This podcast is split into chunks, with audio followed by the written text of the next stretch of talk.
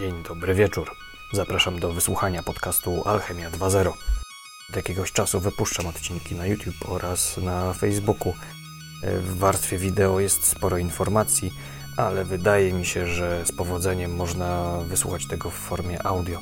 Stąd też i moja obecność na platformach podcastowych. Interesujesz się nauką i technologiami? Jesteś aniołem biznesu? Chcesz wiedzieć, w co warto byłoby zainwestować pieniądze? Prowadzisz fundusz VC? A może po prostu jesteś duszą ciekawą świata? Alchemia 2.0 to miejsce, gdzie nauka spotyka się z pieniędzmi. Szymon Sawaściuk, zapraszam. Zastanawialiście się kiedyś, co tak naprawdę trzyma ten świat, kolokwialnie mówiąc, y, razem? Jedni mówią, że to miłość, że wiara, że nadzieja, a ja wam mówię, że to substancja, która wykazuje właściwości adhezyjne, czyli klej, kleje, albo inaczej spoiwa. Od bardzo dawna używamy przeróżnych spoiw e, w budownictwie, żeby stały ściany, do łączenia materiałów metalowych, żeby przewodziły ciepło bądź przewodziły prąd. Nawet ostatnio wymyśliliśmy kleje do łączenia tkanek organicznych. I także od dosyć dawna używamy przeróżnych spoiw do łączenia materiałów drewnopochodnych. No i właśnie takie materiały drewnopochodne.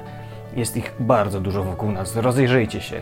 Podłogi, e, parapety, ościeżnice, meble, a nawet całe domy są budowane już z takich płyt drewnopochodnych. Nowoczesna fabryka płyt drewnopochodnych produkuje około 1500 m3 płyty na dobę na jednej linii produkcyjnej. Żeby to rozwieść do producentów mebli na przykład, potrzeba około 150 ciężarówek. Gdyby te płyty poukładać jedna na drugą, otrzymalibyśmy wieżę około 2-kilometrowej wysokości. A to tylko jedna linia, jedna fabryka. A w Polsce takich fabryk jest, strzelam, kilkadziesiąt. Wszystkie płyty drewnopochodne łączy jedna rzecz klej. I najczęściej jest to żywica mocznikowo-formaldehydowa. Znalazłem w internecie opisy patentowe otrzymywania takiej żywicy. E, to są opisy z końca lat 80. To dosyć stara technologia po prostu. No ale co to komu przeszkadza? To, że jest stara, nic. Ale to, że jest bardzo energochłonna, bo do prasowania tych płyt potrzeba wysokiej temperatury, to, że zużywa się duże ilości wody do produkcji tych spoiw. No ale najgorsze w tym wszystkim jest to, że ta żywica zawiera formaldehyd. A co to jest formaldehyd? Formaldehyd to gaz organiczny składający się z wodoru, węgla i tlenu. Ma silne właściwości bakteriobójcze i toksyczne. Jego roztwór 40% to formalina, którą wykorzystuje się m.in. do konserwacji preparatów biologicznych. Taka mała dygresja, w formalinie bierze regularnie kąpiele wódz rewolucji, żeby utrzymać swoją świeżość. Także ten formaldehyd ma swój wymiar polityczny. Ale wracając do oddziaływania na organizmy żywe, formaldehyd bardzo silnie podrażnia błony śluzowe. Najgorsze jest jednak jego oddziaływanie długoterminowe. Może wywołać astmę, może wywołać zmiany obturacyjne w płucach, a nawet nowotwory. Już przy stężeniach 12 tysięcznych miligrama na metr sześcienny wrażliwe osoby mogą odczuwać podrażnienia. Te szkodliwe stężenia formaldehydu określono za pomocą studentów.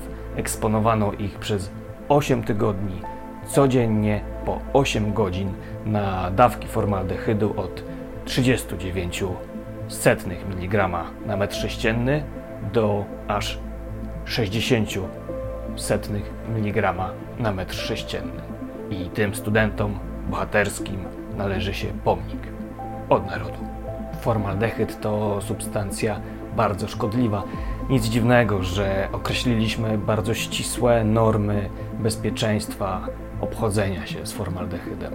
Bardzo narażeni są pracownicy zarówno tych fabryk gdzie produkuje się płyty drewnopochodne, ale też na przykład stolarni, tam gdzie się te płyty e, obrabia.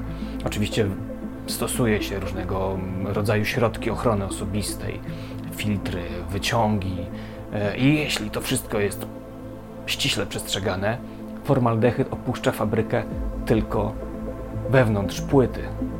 Ale niestety ta płyta pod wpływem temperatury pokojowej tak naprawdę uwalnia ten formaldehyd i on sobie wszystkich truje dookoła.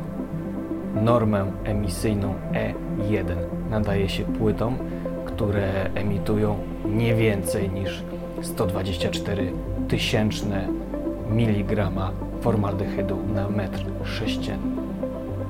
Gotowe produkty meblarskie często są sprawdzane w specjalistycznych komorach, żeby sprawdzić, ile emitują formaldehydu. I z reguły wszystko jest ok, bo mebel czy ta płyta drewnopochodna jest pokryta jakimś laminatem, jakimś fornirem, który uniemożliwia bądź utrudnia parowanie formaldehydu. Problem zaczyna się wtedy, gdy uszkodzimy ten fornir czy ten laminat. Wtedy w tym miejscu e, niestety dochodzi do silnego parowania formaldehydu z płyty. Taka dygresja. Nie lekceważcie nigdy tych małych naklejek, które producent mebla daje, żeby pozaklejać jakieś nawierty, bo płyta jest na przykład wykorzystywana w kilku różnych wersjach mebla. Ta naklejka spełnia nie tylko estetyczną funkcję, ale przede wszystkim utrudnia parowanie formaldehydu z płyty. Dużym problemem e, jest e, płyta OSB. Z niej często buduje się nawet całe budynki. Wydaje się sensowne, żeby taką płytę przed wypuszczeniem na rynek sezonować, ale wydaje się też sensowne, żeby sezonować całe budynki przed wpuszczeniem tam e, nowych lokatorów. Nie wiem, czy zauważyliście, ale nawet producenci takich domowych oczyszczaczy powietrza często wyposażają te urządzenia w taką funkcję oczyszczania powietrza właśnie ze związków takich jak formaldehyd. A skąd on jest w Twoim mieszkaniu? No właśnie, z podłogi, z mebli, z ościeżnicy, z drzwi, z parapetu. E, formaldehyd często jest w składzie farby, e, wykładziny, no jakaś masakra. Te normy bezpieczeństwa odnośnie formaldehydu systematycznie się zaostrzają.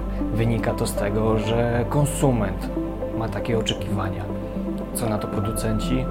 No mają mały orzech do zgryzienia, bo często te płyty, gdzie wykorzystuje się spoiwa bez formaldehydu, nie mają takich parametrów technicznych e, jak te właśnie na żywicy mocznikowo-formaldehydowe. Często nie wytrzymują takich naprężeń, e, nie są wodoodporne. Czas ścisku tej płyty przy produkcji wydłuża się. To powoduje, że producent w tym samym czasie jest w stanie wykonać mniej produktów. Zwiększa się ich cena. I tu na białym koniu wjeżdża firma Sestek, która produkuje spoiwo wolne od formaldehydu Gerimbond. Nazwa nie wzięła się od koloru spoiwa, bo ono nie jest zielone. Yy, nazwa nawiązuje do sposobu produkcji, bo ta technologia wpisuje się w realia gospodarki obiegu zamkniętego. Do produkcji tego spoiwa wykorzystuje się biopolimery. Uwielbiam to określenie. Jak deklaruje producent, wszystkie te składniki są odpadami z innych e, cyklów produkcyjnych. Jedno z założeń e, recyklingu jest takie, że trzeba wykorzystywać odpady maksymalnie tak długo, jak się da, a dopiero gdy nie wiadomo, co z nimi zrobić, mogą trafić do spalarni. Wydaje mi się, że wszystkie te substancje potrzebne do wyprodukowania tego spoiwa są dosyć łatwe do zorganizowania i nie dziwię się, że producent podaje tylko lakoniczne info odnośnie składników kleju. Takie tajemnice produkcyjne w dzisiejszym świecie to norma i nie muszą wcale oznaczać jakiegoś chwytu marketingowego. Klej przygotowuje się bezpośrednio przed użyciem na miejscu w fabryce płyt. Można używać go w instalacjach przeznaczonych do żywic mocznikowo-formaldehydowych. czas docisku tej płyty to około 10 sekund na milimetr grubości płyty. Kondensacja następuje w temperaturze około 100 stopni Celsjusza. W przeciwieństwie do tradycyjnych żywic, gdzie czas docisku w prasie to około 20 sekund na milimetr płyty, a kondensacja następuje w temperaturze około 150 stopni Celsjusza. Wydaje się więc, że przesiadka na nowoczesny greenbond dla producenta płyt drewnopochodnych nie będzie stanowiła jakiegoś większego problemu, a może przynieść realne korzyści. Producent Sestek proponuje także postawienie takiej instalacji do produkcji kleju u producenta płyty. W zależności od potrzeb ta instalacja może być większa bądź mniejsza. Produkcja tego spoiwa na miejscu, tam gdzie się go wykorzystuje, pozwala zaoszczędzić na transporcie, bo 40% w takim spoiwie to woda. Po co wozić wodę, skoro ją z reguły ma się na miejscu? Można nawet wykorzystać deszczówkę, e, którą można zebrać z dachu hali. Można wykorzystać wodę słoną. Są też tacy producenci, którzy produkują płyty drewnopochodne, na przykład z włókien kokosowych. Oni mają dostęp do słonej wody i można ją wykorzystać w tej produkcji. Zatem produkcja kleju na miejscu z wykorzystaniem e, lokalnych zasobów powoduje zmniejszenie transportu, co za tym idzie mniejszą emisję dwutlenku węgla, mniejszą emisję tlenków azotu. No sama zieleń. Polska to jeden z największych w Europie producentów płyty drewnopochodnej. My, jako konsumenci, mamy wpływ na jakość tych produktów. Wybierajmy te, w których nie ma formaldehydu, te, gdzie jest znaczek E0. Naprawdę możemy w ten sposób przyczynić się do polepszenia stanu naszej planety. Tymczasem subskrybujcie, lajkujcie, podawajcie dalej i koniecznie oglądajcie kolejny odcinek Alchemii 2.0.